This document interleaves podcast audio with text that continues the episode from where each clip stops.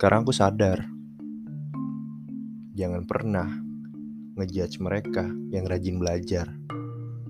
Mereka yang begitu ambis, jarang nongkrong, bahkan mereka yang jarang jalan-jalan dengan berbagai macam julukan. Kamu tahu nggak?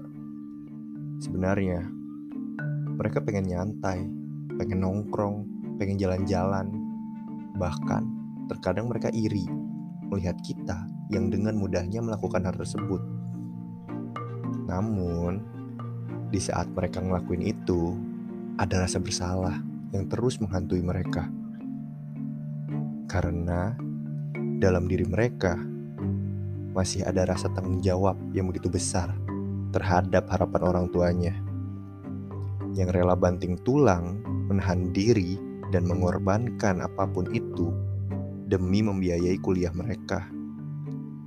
Setidaknya, mereka tidak mengabaikan itu. thank you